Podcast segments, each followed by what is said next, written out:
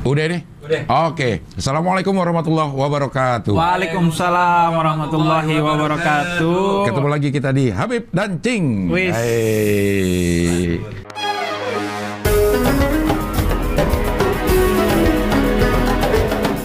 Iya, iya, iya. Akhirnya ketemu lagi. Apa kabar, Bib? Alhamdulillah kabar baik, Cing. Iya, iya, iya. Kita libur berapa minggu, Cing? Ah, seminggu lah. Dua minggu. Dua minggu ya.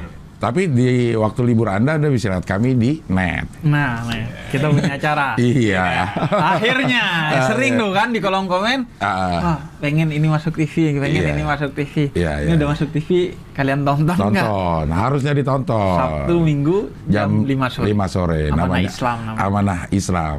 Nanti kita di acara itu kita promoin juga acara ini. Iya.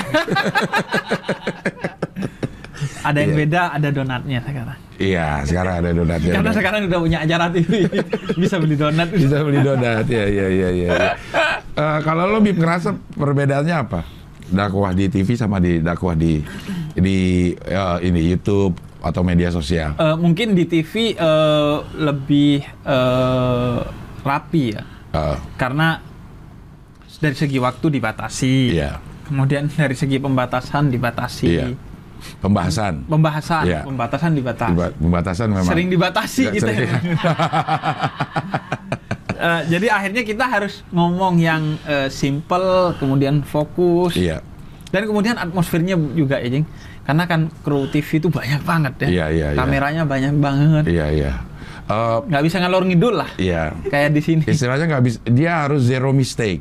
Iya. Zero mistake. Nggak boleh ada kesalahan sedikit pun gitu. Karena memang di TV kayaknya harus tampilan tuh harus sempurna. Harus sempurna. Iya, iya, iya. Untungnya Untuk untungnya di net masih Jing ya. Iya. Eh, Maksudnya eh, eh, nuansa anak muda, pembahasannya juga masih tentang anak muda. Eh. Bahkan kayaknya jauh lebih ringan dari Habib dan Cing. jauh ya karena pe- pembahasan masalah-masalah populer yang Populer. yang yang sekarang sebenarnya kalau eh, menurut gue acara agama itu ya itu itu aja yang dibahas Iya. karena hukum-hukumnya udah udah jelas Paten. cuman gimana caranya supaya kita meletakkan di kondisi yang sekarang Mm-mm. kayak Kayak masalah gibah kita ngomonginnya di media media sosial sosial atau munafik pakai eh, ghosting, ghosting gitu-gitu lah ya. Iya iya iya iya. Jadi kalau mau yang lebih ringan silakan ke Amanah Islam di eh, Net TV. Tapi Sebenarnya ka- bukan pilihan ya, dua-duanya ditonton. Iya dua-duanya ditonton ya. Eh, kalau pengen penda- eh, pembahasan yang lebih dalam ya adanya di Habib Dancing. Habib dan Cing. Yoi. Kayak dua wajah berbeda tuh Cing. Iya iya. Ada yang bilang begitu, Jing.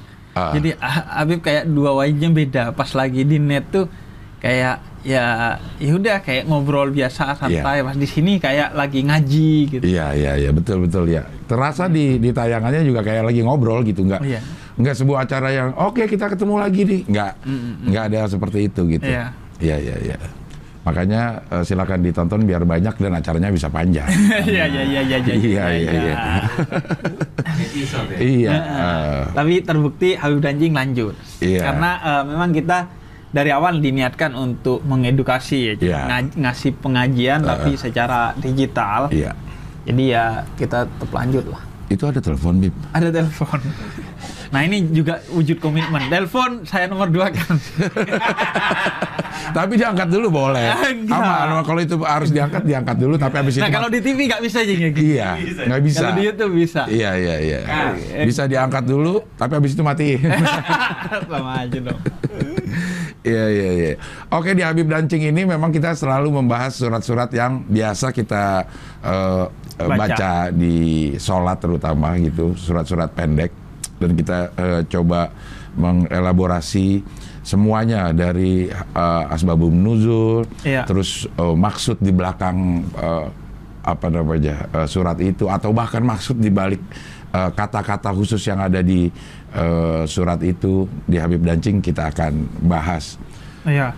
Hari ini kita akan membahas ini cukup populer kalau gue nyebutnya surat Alam Taro, Alam Taro. Alam Taro gitu. Disebutnya surat Alam Taro. Alam Taro tapi ternyata kalau di eh, Al-Qur'an ini di aplikasi ini eh, Muslim Pro ini namanya Al-Fil.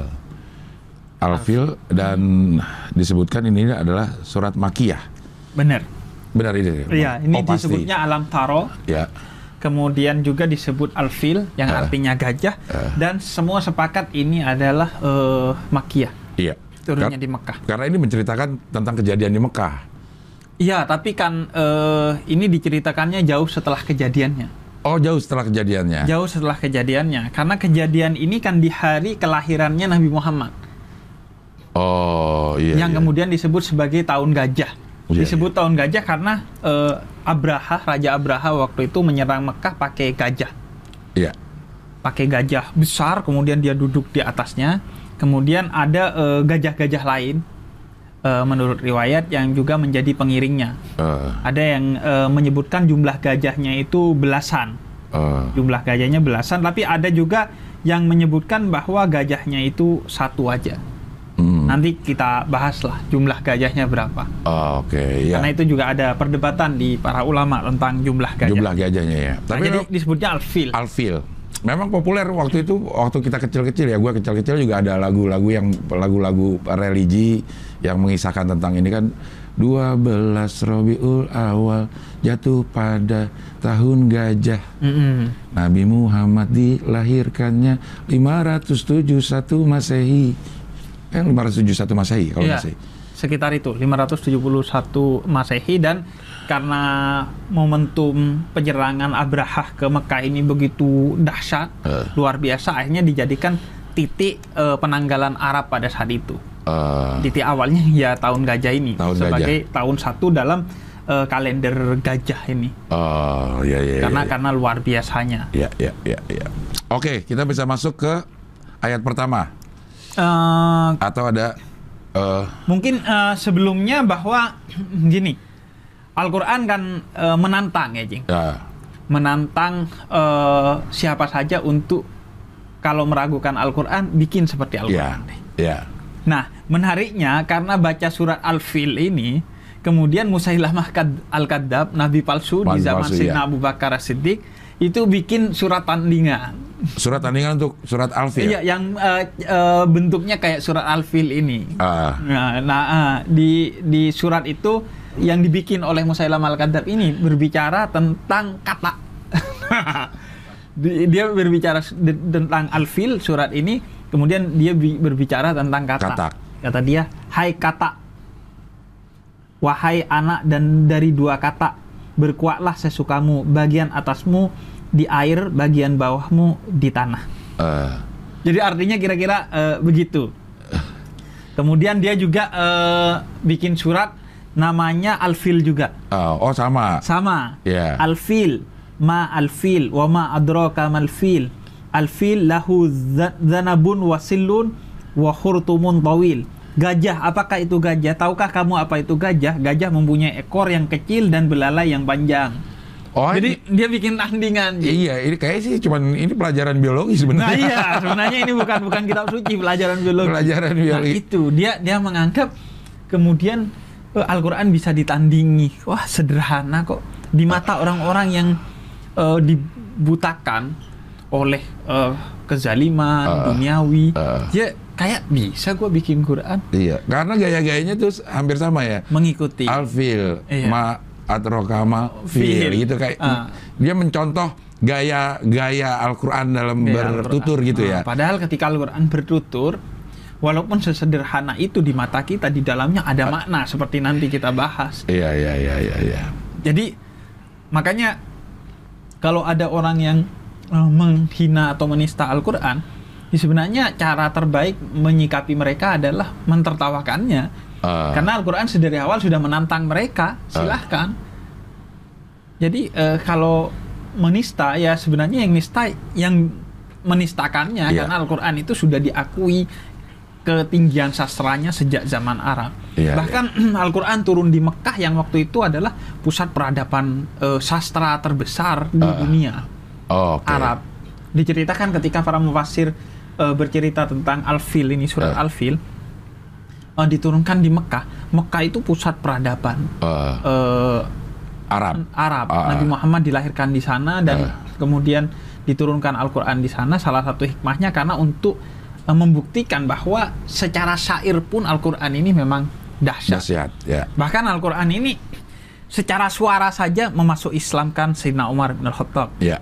Kemudian memukau trio Abu, Abu Jahal, Abu Sufyan dan Abu Lahab. Heeh. Itu kalau Nabi baca Quran mereka tengah malam dengerin Eh, karena tertariknya menariknya. Heeh. Setelah subuh biasanya sekretarisnya manggil budaknya.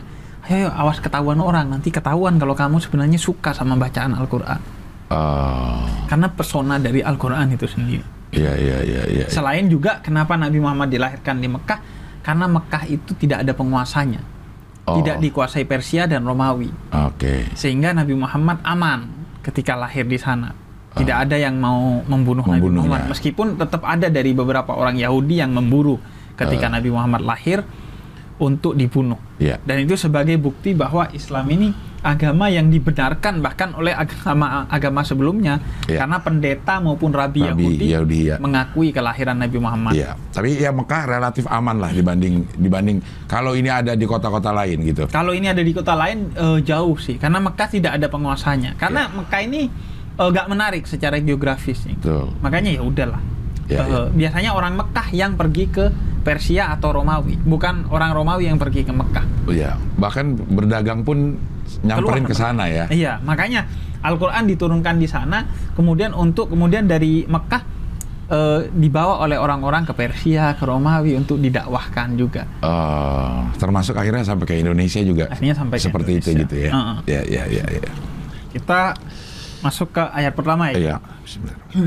Alam tarokai fafa fafaala rob buka bi ashabil fil. Kalau di sini terjemahannya tidakkah engkau Muhammad perhatikan bagaimana Tuhanmu telah bertindak terhadap pasukan bergajah. Iya.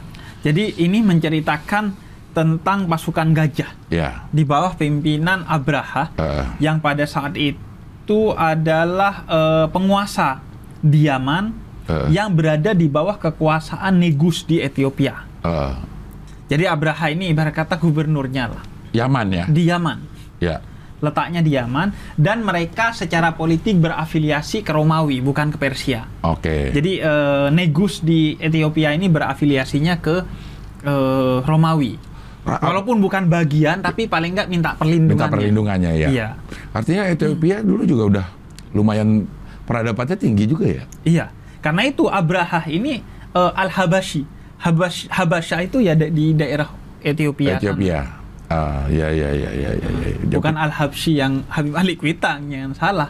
Ha- Habashi ini. Ini Habashi. Ah. Eh, Habas dari satu eh, wilayah yang namanya Habasya. ah, bukan. Bilal Sayyidina Bilal juga dari sana. Oh dari sana. Dari Ya, sana. ya, ya. Dari, dari Ethiopia. Sebenarnya Iwan Fals juga pernah bikin. Ah, lagunya Ethiopia. Ethiopia. Saat eh, lagi Bencana kelaparan. kelaparan. di sana gitu. Di ya. sana. Iya iya. Nah, jadi eh, Raja Abraha ini yang di Yaman kemudian ingin caper Hmm. ke pimpinannya di Ethiopia, Ethiopia.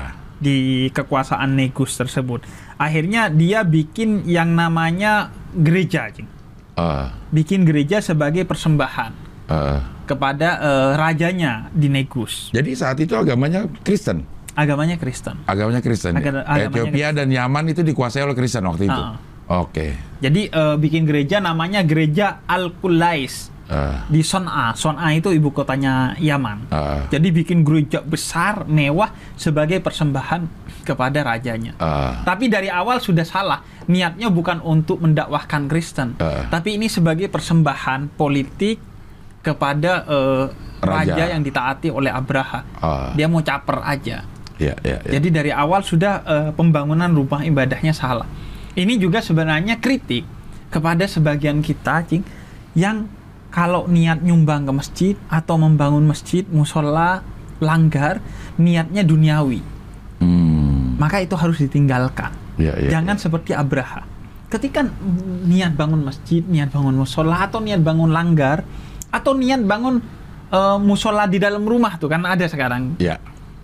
Itu niatnya harus lillahi ta'ala bukan niatnya wah biar kalau ada tamu nanti diang- dibilang orang baik Orang saya baik, karena ya. ad- musola- Ada- ada, ada- musola di rumahnya Ada tempat khusus untuk sholat. iya padahal pernah iya. dipakai Iya, biasanya iya. buat tidur Iya, kalau capek iya Eh, eh, eh, ketawa lu. Ya, ya, ya. karena biasanya ubin musola adem Adem, iya, Iya. iya, iya, iya. banyak tuh musola di rumah-rumah buat tidur doang Iya. atau tidurnya kucing ya kadang Iya, kucing tidurnya iya. di sono Iya. nah itu dari awal niat bangun rumah ibadah jangan oh agar kampung ini punya rumah ibadah kemudian dibanggakan sombong. Jangan. Eh, termasuk kalau kita nyumbang ke kencleng juga gitu ya. iya. Nyumbang ke rumah ibadah yang tepat. Eh. apalagi rumah ibadah yang udah besar jing. Tapi jamaah asalnya sedikit Eh. masih minta sumbangan untuk diperbesar lagi. Eh, masjid itu bukan hanya dibangun secara fisik tapi juga secara batin dibangun dimakmurkan ya, masjidnya dengan makmu- banyak jamaah memakmurkan masjid bukan memegah-megahkan masjid. Bukan. Tapi mengisi dengan banyak jamaah dan banyak kegiatan. Baik itu kegiatan ibadah em, kepada Allah maupun ibadah eh, muamalah kepada Ah. sesama manusia. Ya, pengajian bisa diadakan di situ. Pengajian, kemudian eh, vaksinasi, Vaksinasi. mungkin, Iya, iya, kemudian perpustakaan. Iya, iya. Itu eh, beberapa riset itu menyebutkan masjid di Indonesia itu hampir semua, mungkin kecuali Istiqlal dan beberapa masjid besar, itu tidak memenuhi syarat masjid yang ideal sebagaimana di zaman Nabi. Oke, iya, iya, iya. Di zaman Nabi masjid itu kan untuk semua kegiatan positif. Eh, Makanya ada di Masjid Nabi juga ada yang namanya sufa, Ah. yaitu rumah untuk orang-orang yang tunawisma. Oh, tinggal di Yang situ. Tinggal di situ. Rumah singgah lah ya. Iya. Ya, tapi masjid di sini nih di depan komplek ini Hmm? eh, lumayan banyak kegiatannya, termasuk juga vaksinasi. Nah, itu. sempat sempat, wih keren juga ini masjid nih, karena dia melakukan eh, vaksinasi dia tahu eh, apa Penting. jemaahnya banyak, jadi memberikan kesempatan untuk vaksinasi Vaksin. di situ karena mungkin akan lebih cepat ya karena paling tidak pada saat sholat Jumat kita tahu berapa banyak orang yang datang ke ke Masjid. masjid dan kita tahu bisa berapa banyak yang bisa divaksinasi. Betul. Karena itu sebenarnya bahkan ada fungsi lain eh, masjid itu sebagai media, Cing. Eh, Minimal seminggu sekali ribuan orang ngumpul di masjid Betul. ketika sholat Jumat Ya. dan bisa diceramain dan wajib didengar. oh, Bayangkan oke. kalau itu dijadikan momentum untuk ngajari orang ini dan itu. Ya, ya, ya, ya. Karena khutbah Jumat itu kan wajib didengar oleh jamaahnya. Itu momentum untuk menyebarkan informasi-informasi pelajaran-pelajaran yang eh, positif. Hmm, tapi banyak yang tidur. ya itu lain lagi ya. Iya. Eh, itu- Iya, iya, iya, iya. Kenapa ya langsung ngantuk kalau di ini ya? Iya, iya. Makanya kalau kalau di masjid langsung ngantuk. kan. Iya, iya. Begitu selesai langsung seger. Seger lagi. Emang kita gitu tuh. Se- Tokan tiga jam ente. Eh, nah, iya, iya, iya, iya. Tapi kalau baca Quran 5 menit udah Iya, iya. itu. Kantuk, ya. iya. Maksudnya apa aja penyebabnya ya? Ya itu udah pasti udah digoda sama setan ya. Digoda setan dan ini, Jing. Ketidakmampuan mengendalikan diri dalam keberkahan. Ah, Sebenarnya itu pembahasannya bisa di filsafat. Di filsafat tuh ada tokoh filosof Jerman namanya Heidegger. Eh. Dia bilang soal waktu itu seharusnya kamu mengendalikan waktu. eh, Caranya gimana? Posisikan waktumu seolah-olah besok kamu akan mati kata Sina Ali. Eh. Kata Heidegger seolah-olah kamu lagi nganter ibumu ke rumah sakit yang sedang jantungan. eh. Setiap detik kan berharga. Berharga. Hanya kita merasakan tuh setiap detik. Nah kalau bisa jalani waktu dengan begitu. Iya, iya, iya. Seolah-olah besok mau mati. Eh, Nah itu soal ke- bagaimana memberikan keberkahan. Nah begitu juga dalam hidup. Ya udah seolah-olah besok mau mati. Gimana sih Iya. hidup lo kalau seolah-olah besok mau mati? apalagi kalau kan kalau di sini tuh kedengeran apa eh, ceramah masjid sebelah tuh kedengeran masjid sekitar Surabaya kita masih masih ceramah wah itu udah mulai sholat tuh yang di sebelah situ Iya. kayaknya gue minggu depan di sana aja Nah itu. iya iya iya di sana kayak lebih cepat tuh gitu di sini masih di sini masih masih khotbah kayak di sana udah mulai songkong Udah komat aja. iya iya tapi itu udah pasti setan yang menggelantungi kita ya Pasti, udah pasti. eh, sebenarnya tidak utamanya kepada setan sih. Eh. Jangan dikambing hitamkan ke setan. gitu. Di dalam diri kita emang. iya iya kita iya. memang eh, memberi ruang untuk setan itu masuk. Eh, Dengan memang dari awal nggak serius dalam beragama. hmm. Karena itu eh, eh, ayah saya tuh selalu bilang, ingat ya kamu hidup itu hanya untuk ibadah. Wa ma khalaqtul jinna wal insa illa Nah, liya'budun. Cuma buat ibadah. Ingat, semua hal nggak bikin gua seneng kalau nggak bernilai ibadah. Lu jangan sok-sokan mau banggain piagam ini, piagam itu, duit ini, duit itu, mobil ini, rumah ini. Enggak. Kalau ni- ada nilai ibadahnya, gua nggak seneng katanya. Nah, ketika itu tertanam di kepala dan hati kita, eh, insya Allah itu menutup pintu setan untuk masuk sih. Ah, Bahwa sadari hidup lu tuh buat ibadah gitu, bukan buat yang lain. Ah. Kalaupun lu harus bekerja, apa niatkan ibadah. Dan itu bukan utama. Utamanya ya untuk menghadap kepada Allah gitu. Ah, Nah dengan begitu eh, setan lumayan nganggur tuh. Iya. Kalau kita udah begitu, Iya, iya, ya iya. udah di eh, digoda-goda masih aja. Iya, kalau salat Jumat lah yang memang tuh maksudnya uh, di depan pun aja orang di depan persis di depan kan kalau di masjid ini dekat gitu di saat Iya. pertama itu tetap aja bisa tidur gitu. ah? Ini gua Gitu, pernah gua- juga. gua- gua pernah tuh Jumatan di mana karena eh, apa dapat tempat ke depan sama aja yang di depan juga tidur. Iya, iya. iya. Apalagi kalau bekas santri kayak Eh. gue cing Eh, itu gampang banget tertidur. tidur karena kita sudah terbiasa di pesantren dulu. Misalnya jing, gue bisa tidur begini. Karena di pesantren dulu ya kalau subuh tidurnya begini. Nempel ke ubin. Eh, Tapi bangun-bangun biasanya sih sakit. sakit ya. Rematik akhirnya. Iya, iya, iya. Tapi kita emang udah ini. Ada temen gue yang punya kehebatan bisa eh, tidur saat sholat. Jadi dia pasti ambil soft pinggir. Bukan kehebatan itu sih. Tapi hebat jing berdiri jing. Berdiri dia dia dia pasti ambil soft yang pinggir terus nempel ke tembok. Dan dia selalu tidak wudhu karena takut ngantuknya hilang. Sama-sama di ini gue tuh waktu di eh, Inaba. Inabah. Ada juga itu yang ngaku pas lagi ngobrol-ngobrol. Gue selama sholat di sini gue gak pernah wudhu kata dia. Dia gila bener-bener itu orang. itu nah itu lagi-lagi tergantung orangnya mau Iya, di iya, pesantren iya. mau Iya. ditaruh di mana aja Iya. kalau emang nggak ada komitmen motivasi dari diri Iya, iya. support system itu nggak berpengaruh sih akhirnya Iya betul. yang penting emang utamanya eh, makanya a'malu Binniyah, binniyah segala iya. sesuatu itu kata Nabi tergantung kepada niatnya, Niatnya. Iya iya iya. iya.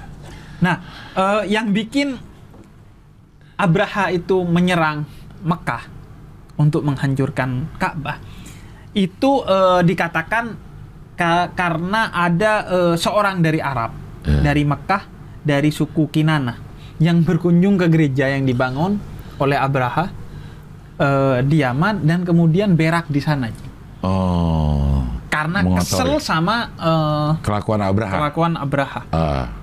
Nah ini yang secara eh, tersirat itu dinyatakan oleh Abraha sebagai sebab dia menyerang eh, Ka'bah. Ka'bah.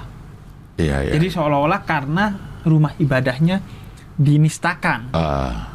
oleh orang dari suku Kinana. Ah. Padahal eh, sebabnya bukan itu. Ah. Ada sebab tersembunyi, yaitu karena memang Raja Abraha ini ingin menurut para mufassir agar kiblat eh, ibadah itu tidak lagi ke Ka'bah, melainkan ke gereja di Yaman.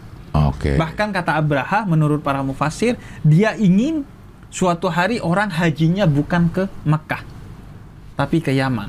Iya. Karena ritual haji pada saat itu udah ada ya, Pipin. Udah aja ritual haji. Udah aja, Dan ya. itu sebagai oh, simbol gengsi yang sangat besar. Eh, Karena ya pusat peradaban ya Ka'bah. Ka'bah ya. Nah, dia ingin, ingin memindahkan itu ya.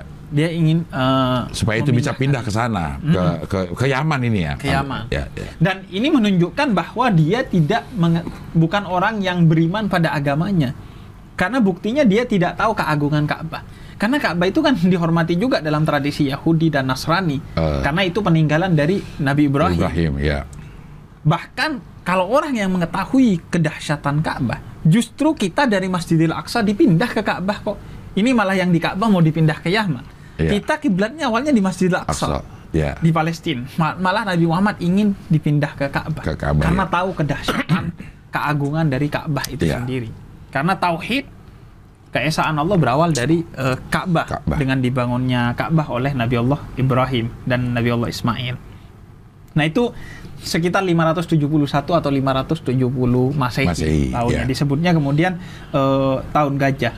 Dan kemudian eh, ada yang berpendapat penyerangan ini bukan pas kelahirannya Nabi Muhammad, Eh. tapi 23 tahun, bahkan ada yang menyebut 40 tahun sebelum kelahirannya Nabi Muhammad. Walaupun ini bukan pendapat yang populer. Oh, iya iya iya. Yang pasti ini terjadi sebelum uh, uh, kerasulan Nabi Muhammad. Iya. Ya. Kerasulan dan kenabian, Kenabian Nabi Muhammad. Maksimal adalah ini adalah hari kelahirannya Nabi Muhammad. Nabi Muhammad, ya. Tahun gajah. Nah, kemudian eh, fa'ala kata fa'ala di sana kan alam tara kaifa Fa'ala. fa'ala. Ini artinya eh, melakukan. Eh, Melakukan ini kalau eh, manusia maka fa'ala itu cenderung bersifat kelakuan yang negatif, baik itu perbuatan maupun ucapan. Ji. Eh, Sebagaimana dalam suratul A'raf ayat 155 atau suratul Anbiya ayat 59. Tapi ketika Allah yang melakukannya, di sini Allah yang melakukannya, itu maksudnya bukan perbuatan negatif, tapi eh, siksaan, Oke. balasan atas kekejian yang dilakukan oleh manusia. Ya. Jadi bukan lagi negatif pengertiannya, tapi lebih kepada Ba- perbuatan Allah untuk memberikan pelajaran kepada orang yang berbuat buruk. Nah itu seperti dalam surat Hud ayat 106 dan 107 atau suratul Buruj ayat 12 sampai 16. Di sana disebut bahwa maksudnya fa'ala itu adalah siksaan. Oke. Karena yang melakukannya adalah Allah, Allah, Subhanahu ya. wa taala. Dan di sini juga dikatakan robbuka. Eh. Tuhanmu wahai Muhammad eh, untuk meneguhkan bahwa orang-orang Mekah itu jangan sok-sokan, jangan merasa, oh dulu tuh wahai Nabi, lu kok sok-sokan datang-datang sekarang bilang Tuhanmu Nabi, kamu Nabi. Dulu tuh ketika Ka'bah mau dihancurkan, berhala gua yang yang nyelamatin. nyelamatin. Nah Iya. di sini ditegur oleh Allah, Iya. bukan berhala lu, tapi Robbuk Tuhannya Nabi Muhammad. Kalau berhala kamu terbukti dibuktikan oleh Nabi Ibrahim nggak bisa melakukan apa-apa Apa? ketika dihancurkan berhala-berhala disisakan satu nggak bisa melakukan apa-apa Ya, ya. jadi yang eh, menyelamatkan adalah Tuhannya Nabi, Nabi Muhammad, Muhammad. yaitu Allah Subhanahu wa Ya. taala Oke, berarti itu untuk eh, apa namanya me- mementah, mementahkan bahwa eh, dulu sebelum ada Islam yang menyelamatkan eh, Ka'bah itu ya Tuhannya Islam ya. Hmm, ya Allah Iya, ya Nah. Tu- Tuhannya Islam mementahkan bahwa itu perbuatan dari Tuhan-Tuhan yang ada pada saat itu. Betul dan Ya. dan itu juga sekaligus eh, penegasan bahwa yang namanya tempat suci atau rumah ibadah itu dilindungi oleh Allah Subhanahu wa taala. Sebagaimana Allah katakan dalam suratul Hajj ayat 40, sekiranya Allah eh, menolak tiada menolak sebagian manusia dengan sebagian yang lain, tentulah telah dirobohkan biara-biara Nasrani, gereja-gereja dan rumah-rumah ibadah dari orang-orang Yahudi dan masjid-masjid. Eh, Artinya yang melindungi semua rumah ibadah bukan hanya rumah ibadahnya umat Islam itu Allah Subhanahu wa taala. Makanya di antara etika perang dalam Islam dilarang menghancurkan rumah ibadah umat beragama lain. eh, iya, Jadi Ka'bah saat itu itu belum menjadi kiblatnya umat Islam, iya. tapi Allah lindungi. Karena semua rumah ibadah wajib dilindungi. Ah. Karena itu kita mengikuti akhlaknya Allah melindungi semua rumah ibadah orang lain, Iya, apa pun agamanya. Iya, Jadi kita kita eh, lindungi. iya, Dan iya. tadi memang Abraha itu naik satu gajah besar, makanya di sana disebutnya alfil. Alfil ini eh, satu gajah secara bahasa. Tapi ulama mengatakan maksudnya satu gajah itu besar yang dipakai Abraha, tapi ada gajah-gajah kecil yang jumlahnya menurut riwayat ada yang menyatakan 8, ada yang menyatakan 12. Eh, Tapi yang gede satu eh, iya, punya iya. gajah. Makanya eh, ini menjadi peristiwa besar sehingga ketika umat Islam bikin sarung mereknya gajah Sarung duduk gajah duduk. Iya. karena yang berdiri bahaya Bahaya ya, bisa menghancurkan. bisa Iya, menghancurkan iya. Ka'bah. Tapi jangan sampai didudukin gajah. Iya, iya. Iya, iya. iya. Eh, itulah eh, kedahsyatan kekuatan Allah. Iya. Jadi eh, siapa yang mau menghancurkan rumah-rumah Allah atau makhluk-makhluk Allah, maka dia berhadapan dengan, Dengan Allah, Allah. Subhanahu wa taala. Sebagaimana nanti kisah Firaun, Namrud Iya. semua dihancurkan oleh Allah. Waktu itu penguasa ini pernah tapi gue agak lupa tapi penguasa Mekahnya pada saat itu adalah eh, Abdul Muthalib atau Nah, ada menarik tuh, Cing. ah Yang soal Abdul Muthalib. Mungkin Ah. yang dimaksud Cing ini.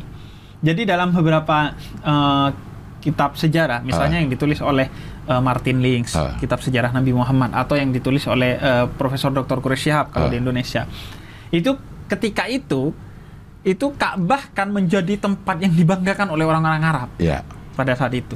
Nah, ketika ada kabar Abraham mau nyerang, orang Arab rapat. Eh, Abdul Muthalib sebagai orang yang dibanggakan oleh orang Arab suruh datengin lu Eh. si apa Abraham nih bilang jangan hancurkan Iya. Ka'bah karena di sana tempat kesenian, tempat berhala-berhala orang Arab. ya. Ditambah Abraha sebelum nyampe ke Ka'bah nyuri 200 ontanya eh, Abdul Muthalib, Iya. kakeknya Nabi Muhammad. Nah, menariknya ketika Abdul Muthalib nemuin Abraha, kata dia balikin onta gua. Dibalikin ontanya. Kemudian setelah itu, tapi saya mau nyerang Ka'bah. Emang kamu nggak keberatan? Oh nggak kata saya. Yang punya saya itu onta. Kalau Ka'bah ada yang punya, Iya. yaitu Allah. Nanti kamu urusan sama Allah. Iya, iya. Siapa saya mau sok melindungi rumahnya Allah, Baitullah. Kisah yang cukup masyur ini. Iya, Kisah iya, masuk. iya. Jadi akhirnya yang membela Ka'bah itu adalah Allah sendiri. Ya.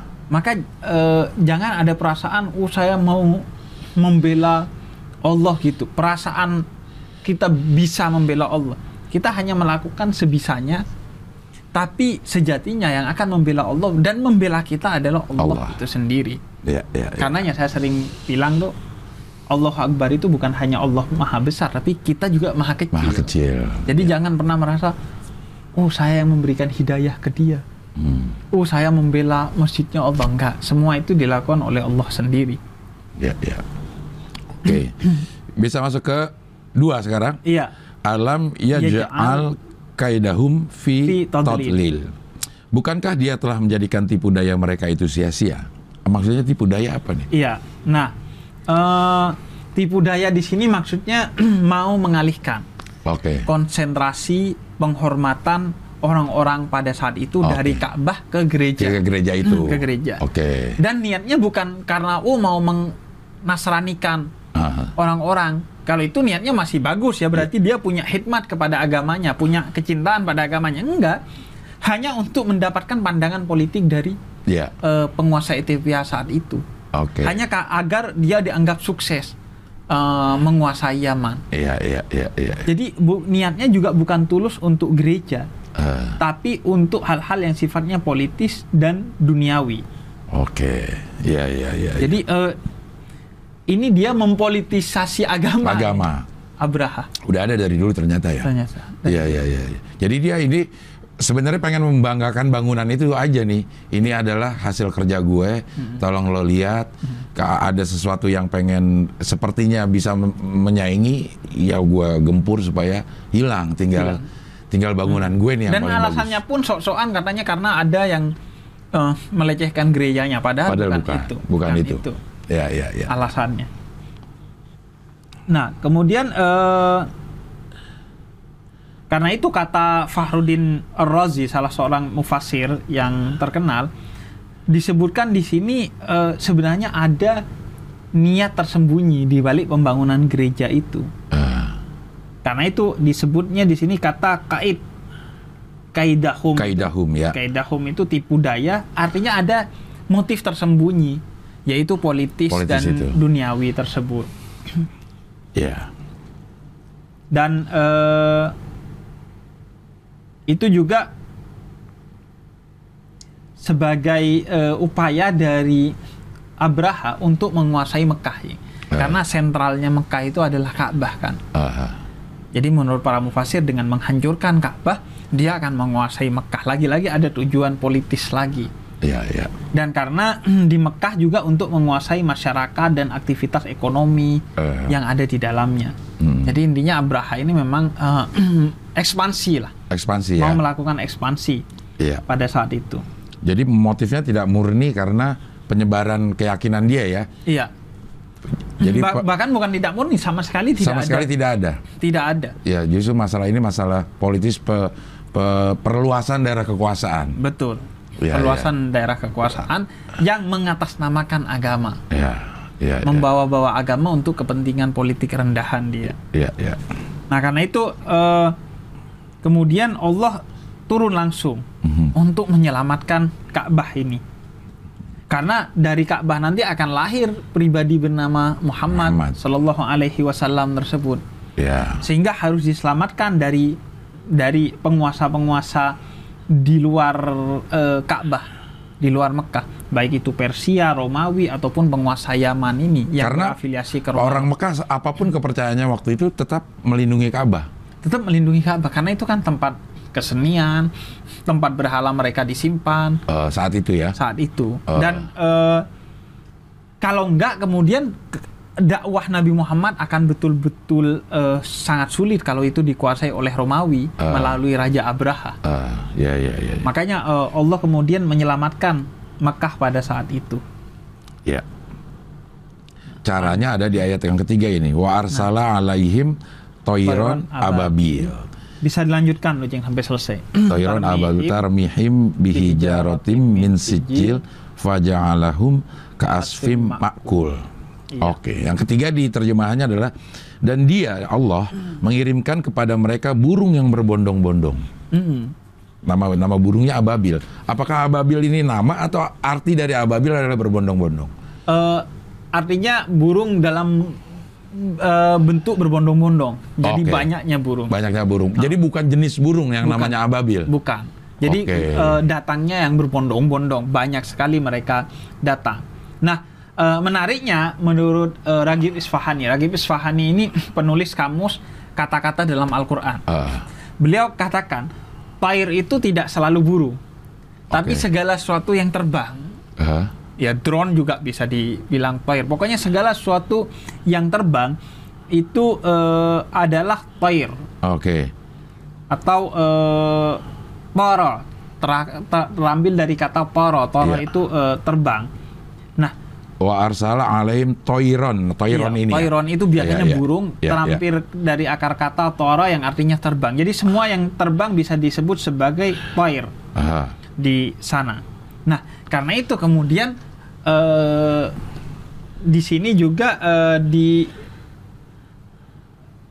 dilanjutkan kata sijil Sijil. sijil batu-batu dari sijil sijil itu dari akar kata sajalah yang berarti mencatat atau menulis Aha. maka eh, bisa dikatakan ketika batu itu dilemparkan hingga tercatat siapa saja yang menjadi korbannya Oke. Nah, intinya Cing eh, yang ingin saya sampaikan bahwa beberapa mufasir walaupun jumlahnya sedikit yang mutaakhirin kontemporer itu seperti Muhammad Abduh ingin mengatakan bahwa ini sebenarnya hanya majas aja perumpamaan aja. Perumpamaan aja. Mm-mm. Eh, ingin merasionalisasikan eh, makanya kata Muhammad Abduh sebenarnya yang terbang itu bukan burung tapi wabah Oke. Jadi ketika ketika itu ada wabah yang berterbangan dan siapa yang mendapatkan ditempeli wabah itu maka dia akan mati secara mengenaskan seperti dedaunan yang berguguran. Berguguran. Seperti yang disampaikan dalam ayat ini. Eh, Mereka seperti daun-daun daun yang, dimakan, bolong-bolong gitu. Bolong-bolong. Karena itu ada wabah. Wabah apa kata Syekh Muhammad Abduh adalah wabah cacar. Oke. Karena itu kata beliau kalimat tarmihim itu ada juga yang membacanya yarmihim. Eh, Siapa yang melempar maksudnya bukan burung. Kalau yarmihim berarti Allah yang melempar. Ah. Jadi Allah melempar wabah dari langit berterbangan. eh, Sehingga kemudian semua terkena wabah dan kemudian mati pasukan Abrahah tersebut. eh. Abrahahnya nggak mati. Matinya nanti ketika kembali di Yaman. Abrahahnya. Oh, Jadi Abrahah. Abrahah itu nggak langsung mati. Oh. ketika kembali ke Yaman baru kemudian mati. Nah, kata Muhammad Abduh itu wabah yang Iya. di yang dilemparkan oleh Allah Subhanahu wa taala gitu. Eh, tapi pendapat ini dikritik oleh mayoritas eh, mufasir Mhm. yang kontemporer juga. Kalau mufasir klasik semua sepakat bahwa ini memang kejadian luar biasa. Ah. Sebagaimana cerita yang kita dapatkan nih, ada burung, Burung. membawa Bawa batu, batu. kemudian dilemparkan. Ah. Bahkan batu-batunya itu dari api, Api yang kemudian terbakar, dilemparkan. tanah yang terbakar. Tanah terbakar. Kena- Semua sepakat kalau mufasir klasik. Tapi Ah. mufasir kontemporer ada seperti Muhammad Abdu yang mencoba merasionalisasikan. Hmm. Tapi di, juga dikoreksi oleh mufasir-mufasir kontemporer lainnya. Hmm. Salah satunya eh, yang mengoreksi Muhammad Abduh adalah Said Kutub. Hmm. Said Kutub ini punya kitab tafsir namanya Fidilal Quran di bawah naungan Al-Quran. Kata Said Kutub, nggak begitu. Ini memang kejadian yang luar biasa. Ya ada burungnya, ada tanah yang ber terba- Semuanya seperti yang diceritakan. seperti yang diceritakan di Seperti sini. yang diceritakan. Karena ini memang perus, eh, gambaran atau peristiwa yang luar biasa. Iya, Justru eh, memang sengaja dibuat tidak masuk akal untuk menunjukkan bahwa ini adalah peristiwa yang luar biasa. Iya, iya. Supaya orang Mekah itu juga ingat kejadiannya ya, karena benar-benar benar-benar ada burung. Benar-benar Iya, seperti iya, itu. Iya, iya, iya, iya. Jadi eh, memang sengaja. Walaupun ini sebenarnya diakui juga oleh Muhammad Abduh. Ini memang kejadian yang luar biasa. Allah ingin menunjukkan besarnya kekuasaan Allah. Hanya saja bagaimana cara Allah menunjukkannya, Iya. Muhammad Abduh mencoba merasionalisasikannya. Sedangkan mufasir lain seperti Said Kutub, enggak. Ini Allah ingin membuktikan kekuasaannya dan dengan cara yang memang luar biasa. Salah satu hikmahnya agar diingat dan agar mengetahui betapa besarnya kekuasaan Allah Subhanahu wa taala dan jangan ada yang merasa lebih berkuasa dari Allah sehingga bisa menzalimi orang seenaknya, menghancurkan rumah ibadah orang seenaknya dan lain sebagainya. Jadi emang emang sengaja kalau kata Said Kutub Iya, iya. karena eh, ini mengenai Ka'bah yang menjadi salah satu simbol eh, tauhid Tauhid ya. dari Allah Subhanahu wa taala. Ini sebagai pelajaran bagi generasi demi generasi setelahnya jangan main-main dengan kekuasaan Allah Subhanahu wa taala. Begitu juga mufasir lain namanya Syekh Mutawalli Sa'rawi. Syekh Mutawalli Sa'rawi ini satu-satunya mufasir yang tafsirnya itu pakai radio juga disampaikan secara lisan. Lisan. Jadi 30 juz pakai lisan. Oke, tapi ada yang catat. Ada juga versi catatannya tapi oh, eh, juga versi radio. Oh, berarti udah zaman-zaman sekarang dong. Oh, iya.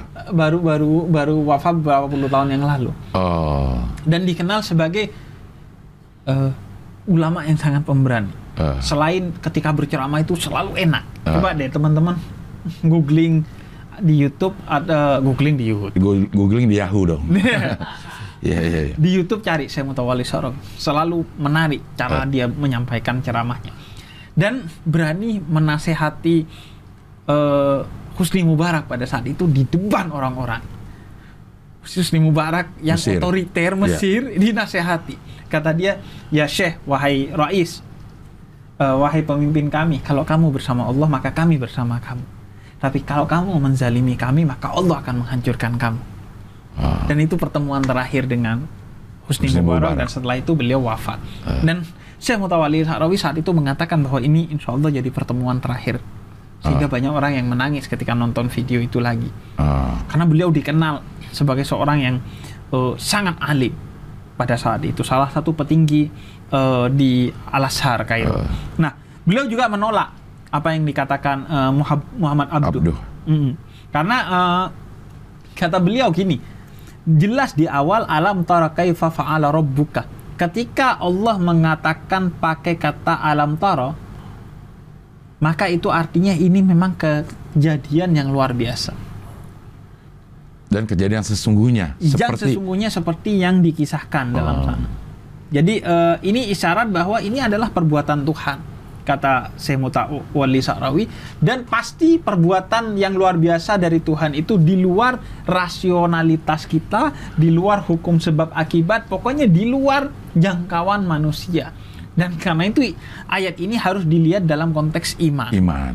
Iya, iya. Pokoknya Bukan kalau udah konteks- begitu rasio kita nggak nyampe, memang kita harus menggunakan iman. Menggunakan iman. Iya. Dan iman itu bukan irasional, tapi suprarasional kata Syekh Mutawalli Sa'rawi. Ah. Bukan tidak masuk akal, tapi melampaui, Melampaui. akal kita. Buktinya banyak hal-hal yang dulu gak masuk akal, tapi lambat laun jadi masuk akal ketika akal kita semakin berkembang. Ah. Contohnya Isra Mi'raj dari eh, Arab Saudi ke Palestina, Palestina. Nabi. Dulu butuh waktu berapa hari Iya. karena naik onta. Sekarang satu jam udah bisa, Iya. dua jam udah bisa pakai pesawat. Pesawat, ya. Jadi bukan irasional, tidak masuk akal, tapi suprarasional, Suprarasional, ya. melampaui, eh, akal kita. Karena itu bukti yang kedua kata Syekh Mutawalli Sa'rawi di sana dikatakan eh, pakai kata fa, faja'alahum Kasfim makul. Fajalahum kas fim makul. Ya. Lalu Allah menjadikan mereka seperti daun, Daun-daun yang dimakan, yang dimakan ulat. Kalau fa di sana kata Syekh Mutawalli Rabi itu artinya langsung. Jadi eh, saya pukul yang Abdul langsung sakit. Oke. Tapi kalau tidak langsung biasanya pakai summa Kemudian, kemudian. Oke. Nah di sana pakai fa, Fa. artinya dia langsung. Langsung Kalau bolong. wabah kan Lama. Lama Mungkin pasti ada perlu bolong. berapa hari untuk Iya infeksi dulu. Infeksi dulu. Ini ya. tapi langsung bolong. Ini menunjukkan bahwa dia memang dilempar eh, batu, Batu. berapi oleh eh, burung yang diutus oleh Allah dan mereka langsung lobang-lobang Eh, ya ya karena fa ini ya, fa ini. karena karena fat tersebut. Jadi eh, sebenarnya baik Syekh Muhammad Abduh maupun Syekh Mutawalli Sa'rabi ataupun eh, Said Kutub sama ingin mengatakan ini kejadian luar biasa. Hanya saja Syekh Muhammad Abduh karena beliau seorang mufassir modernis yang Ya. memang mengedepankan rasionalitas mencoba mencari eh, nilai-nilai rasionalnya. rasional. Ya ya ya. Jadi eh, mungkin kayak eh, aneh ngadepinnya kan ini cing apa generasi milenial Iya. kan nggak suka nih diceritainnya nggak masuk akal nggak masuk akal. Nah mungkin ada konteks itu yang melingkupi Syekh Muhammad Abduh sehingga beliau mencoba menafsirkan tapi tetap dengan berdasarkan ilmu ya. Ilmu ya ya. bahwa yang terjadi pada saat itu sebenarnya adalah wabah. Wabah. Karena terbang di sana bukan hanya pasti burung tapi bisa dalam bentuk wabah. Wabah. Ya ya ya. Virus-virus mungkin yang Virus-virus. berterbangan gitu ya. Mm-mm, ya ya. ya. Jadi eh, intinya bahwa kekuasaan Allah itu dahsyat. Allah bisa melakukan sesuatu di luar eh, akal, akal kamu. ya. Sehingga eh, jangan mencoba-coba kamu eh, mencari masalah dengan Allah. Ya ya ya. Karena langsung berurusan juga dengan Allah nanti. Ya, kalau kamu keterlaluan, pasti Allah akan membalas dengan keterlaluan juga. Ya. Lihatlah Fir'aun, keterlaluan sampai mengaku dirinya Tuhan. Tuhan. Dibalas oleh Allah dengan keterlaluan dan dengan tidak masuk akal. Dilempar tongkat oleh Musa pecah itu laut. Laut. Ya. Bukan utamanya pada tongkatnya, tongkat itu dilempar lagi besoknya juga gak jadi apa-apa. Ya. Tapi karena hari itu Allah merestui tongkat itu untuk membelah laut. Iya. Jadi eh, karena itu betapapun kamu melakukan kemungkaran, kamu melakukan maksiat, tetap sadari bahwa itu kesalahan. Tetap eh, sadari untuk bertaubat. Eh. Jangan menentang Allah. Menentang. Ya. Tetap sadari bahwa itu iya saya salah, saya tobat ya Allah. Besok kejebak lagi tobat lagi. Jangan menentang. Hmm. Jangan menganggap wah nggak ada. Jangan mencari pembenaran atas ketidakbenaran kita. Betul. Ya ya ya ya. Ya udah salah. Akui salah gitu ya. Akui salah. Toh Allah Maha pema- pemaaf. Ya. Ya ya ya. Jadi dan Allah eh, Maha mencintai, Raufur Rahim. Ya. Jadi eh, jangan mencari alibi-alibi. Jadi apa yang kita lakukan. Iya. Dan kalaupun maksiat, tetap keimanan itu harus dijaga. Hmm. Dijaga. Ya, ya. Karena itu eh, kata Allah kan eh, melalui Nabi Muhammad aib kita itu jangan dibongkar agar tidak seolah-olah kamu ini wah menentang Allah saya nggak takut pada Allah buktinya aib saya saya ceritakan saya Ya. bongkar jangan tetaplah memiliki iman betapapun brengseknya kita gitu. Ya. tetap memiliki iman sebagaimana Allah menutup aibmu maka kamu juga tutup, Tutup aib aibnya. dari dirimu Ya, ya, ya, ya. Jadi memang surat Al-Fil ini walaupun ki- eh, surat yang berkisah ya, Hmm. tapi eh, apa ya namanya ya? Intinya adalah pelajaran yang dalam juga ini ya. iya khususnya tentang pendirian rumah ibadah Iya, tentang kekuasaan, kekuasaan Allah. gitu. Ya, kemudian eh, tentang ini juga tentang apa Eh, keagungan Ka'bah keagungan Ka'bah. keagungan Bahkan Makkah kepasrahan Abdul Muthalib meyakini bahwa Allah pasti akan membela atau akan eh, apa ya namanya melindungi melindungi eh, apa namanya propertinya lah artinya. Iya, itu Ya. kepasrahan juga yang penting bahwa kalau ada orang yang menista Allah eh, kamu anggap gak bisa melakukan cara-cara yang baik untuk menegurnya ya udah Iya, biarkan Allah biarkan yang Allah. menegurkan. Jangan kamu mengawur Iya, iya, kemudian. Atau apalagi membalas dengan cacian juga. Eh, sama aja akhirnya apa bedanya kamu dengan dia? Iya, iya. Nah, ini juga Jing sebagai pelajaran, Abraha ini kan eh, ingin memindahkan Iya. kebanggaan orang kepada Arab ke eh, kelompoknya, Kelompoknya, ya. dia, ke Romawi, Ya. ke Ethiopia, ke Yaman, Ke Yaman. ke kelompoknya dia. Nah, ini juga yang harus dihindari. Jangan rasis, jangan iri kepada kemuliaan yang Allah, Allah berikan kepada orang Arab, kepada kaum ini, kepada kaum itu. Jangan iri. Ya. Jangan wah eh, karena saya orang Indonesia, kemudian ya udah saya nggak mau menghormati bangsa lain, nggak mau eh, menghormati bangsa Arab. Enggak. Kita orang Indonesia bangga dengan keindonesiaan kita, tapi juga kita hormati, Hormati, ya. bangsa lain. Jangan wah karena eh, Arab punya kemuliaan itu, oh kita mau juga punya kemuliaan itu. Jangan iri dengan kemuliaan bangsa lain. Iya, atau dalam skup yang lebih kita zoom in antara suku-suku bangsa juga jangan kayak gitu. Jangan juga kayak gitu. Sunda ke Jawa, Jawa ke Padang, Padang ke ini segala Iya, macam. Karena itu salah satu motifnya Abraha. Oh. Abraha ingin mengunggulkan eh, orang-orang Romawi Eh, karena iri kepada orang-orang Arab pada saat itu. Begitu juga Persia. Persia iri kepada orang-orang Arab pada saat itu. eh, Dan rasisme itu kan yang paling membahayakan. Membahayakan. Bagaimana Hitler karena rasismenya menjadi begitu kejam. eh, Abraha karena rasismenya begitu kejam. Kita juga jangan melakukan rasisme itu. Ja- Jadi jangan benturkan Indonesia dan Arab Ya. misalnya dalam konteks Islam. Apalagi eh, kemarin ada sedikit pernyataan loh, Cing, apa? Eh, bahasa Arab itu identik dengan teroris. Teroris. Janganlah. Jangan Iya, iya, eh, iya, iya. itu karena iya, bagaimanapun juga bahasa. Al-Qur'an itu adalah bahasa Arab. Eh, Kemudian Ya. ya gak ada hubungannya teroris sama bahasa iya, iya. iya. Pernyataan-pernyataan itu yang justru akhirnya apa ya mendapatkan sentimen negatif, negatif. jadinya. Iya. Ya, ya, Intinya ya. jangan jangan apa eh, jangan membangun sentimen-sentimen yang berbasis suku, ras dan lain sebagainya. Eh. Pasti kelakuan buruk dari orang ras tertentu itu adalah oknum. Iya. Bukan karena ras Rasnya, itu. Ada iya. teroris dari Arya, Persia, Iya, Arab, Arab. Indonesia semua suku punya Iya. itu. Misalnya Ethiopia melahirkan Abraha tapi juga melahirkan Sayyidina Bilal Iya. ada contoh buruknya, ada, Ada contoh baiknya. baiknya gitu. Ada yang mau menghancurkan Ka'bah, ada yang mengagungkan Ka'bah gitu. Iya, iya, iya, iya. Makanya eh ya kita cinta Indonesia sebagai bangsa kita, tapi juga cinta Arab sebagai tempat eh, turunnya wahyu, di Wahyu, sana, iya. sebagai eh, sukunya Nabi kita.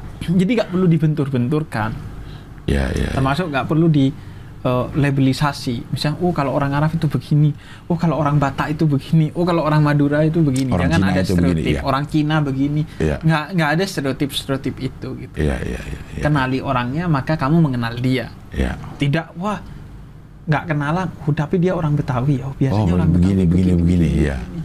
Iya, iya, Padahal iya. dia nggak kenal. Gitu. Iya, iya. Oke, ternyata banyak sekali yang bisa kita ambil eh, pelajaran dari sebuah surat Al-Fil yang sepertinya hanya berkisah. Sepertinya Sepertinya hanya, hanya berkisah. hanya berkisah aja tentang satu eh, runtutan kejadian, tapi ternyata di dalamnya itu banyak sekali yang bisa kita ambil. Nah, ini gunanya apa namanya manfaat kalau kita ngajinya yang seperti ini ya, Bib ya.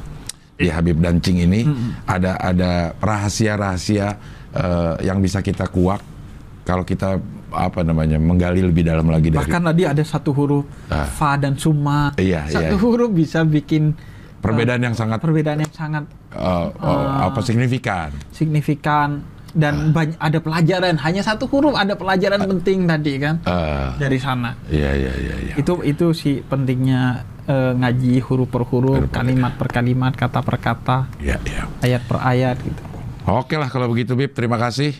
Eh, kita sudah sampai di surat Al-Fil, surat berikutnya nanti kita akan eh, Nanti bahas kebayang, lagi. Jeng, ya Ah. saya mau tahu wali Sa'rawi Iya, kita 15 episode berapa bulan nih iya. ini sequran Sequran ngomong ya. bayangin Iya iya iya iya iya. iya. makanya wah, itu kita nih fasilitasnya banyak, banyak, tapi karyanya sedikit. karyanya sedikit. Beliau itu hidup di zaman masih radio, Eh, tapi bisa berkarya sedahsyat itu. iya, iya, iya, iya. Gimana ya? Orang-orang yang juga yang dulu nulisnya pakai tinta, begitu. Bukunya nulis. banyak. Bukunya banyak ya. Kita yang tinggal keren-keren. atau ibu kita, Jing. Eh, Ibu aneh tuh sehari semua pekerjaan rumah selesai. Padahal nyucinya pakai tangan, nggak pakai mesin cuci. iya, Kompornya ditiup dulu, iya. pakai apa? eh, bara. Bara, Setrikanya nunggu baranya dimasukin ke Masukin. setrikaan zaman dulu ibu. biar arang, pakai Tapi arang. sehari semua pekerjaan selesai. Eh, sekarang, Sedangkan sekarang ada bininya orang, bukan bini aneh, Ci. Iya, iya, iya, bini pasti. orang. Bini orang, ya. Iya, bini orang tuh sehari dua kerjaan doang, padahal udah dibantu mesin cuci. mesin cuci. Ah, ntar aja besok aja lah nyucinya. Iya, bini orang. Soalnya bini kalau bini aneh satu doang, Satu. bukan dua. Oke Beb, kalau gitu terima Oke, kasih. terima kasih, Cik. Dan eh, insya Allah kita ketemu lagi di Habib Dancing dengan membahas eh, surat berikutnya. Assalamualaikum warahmatullahi wabarakatuh. warahmatullahi wabarakatuh.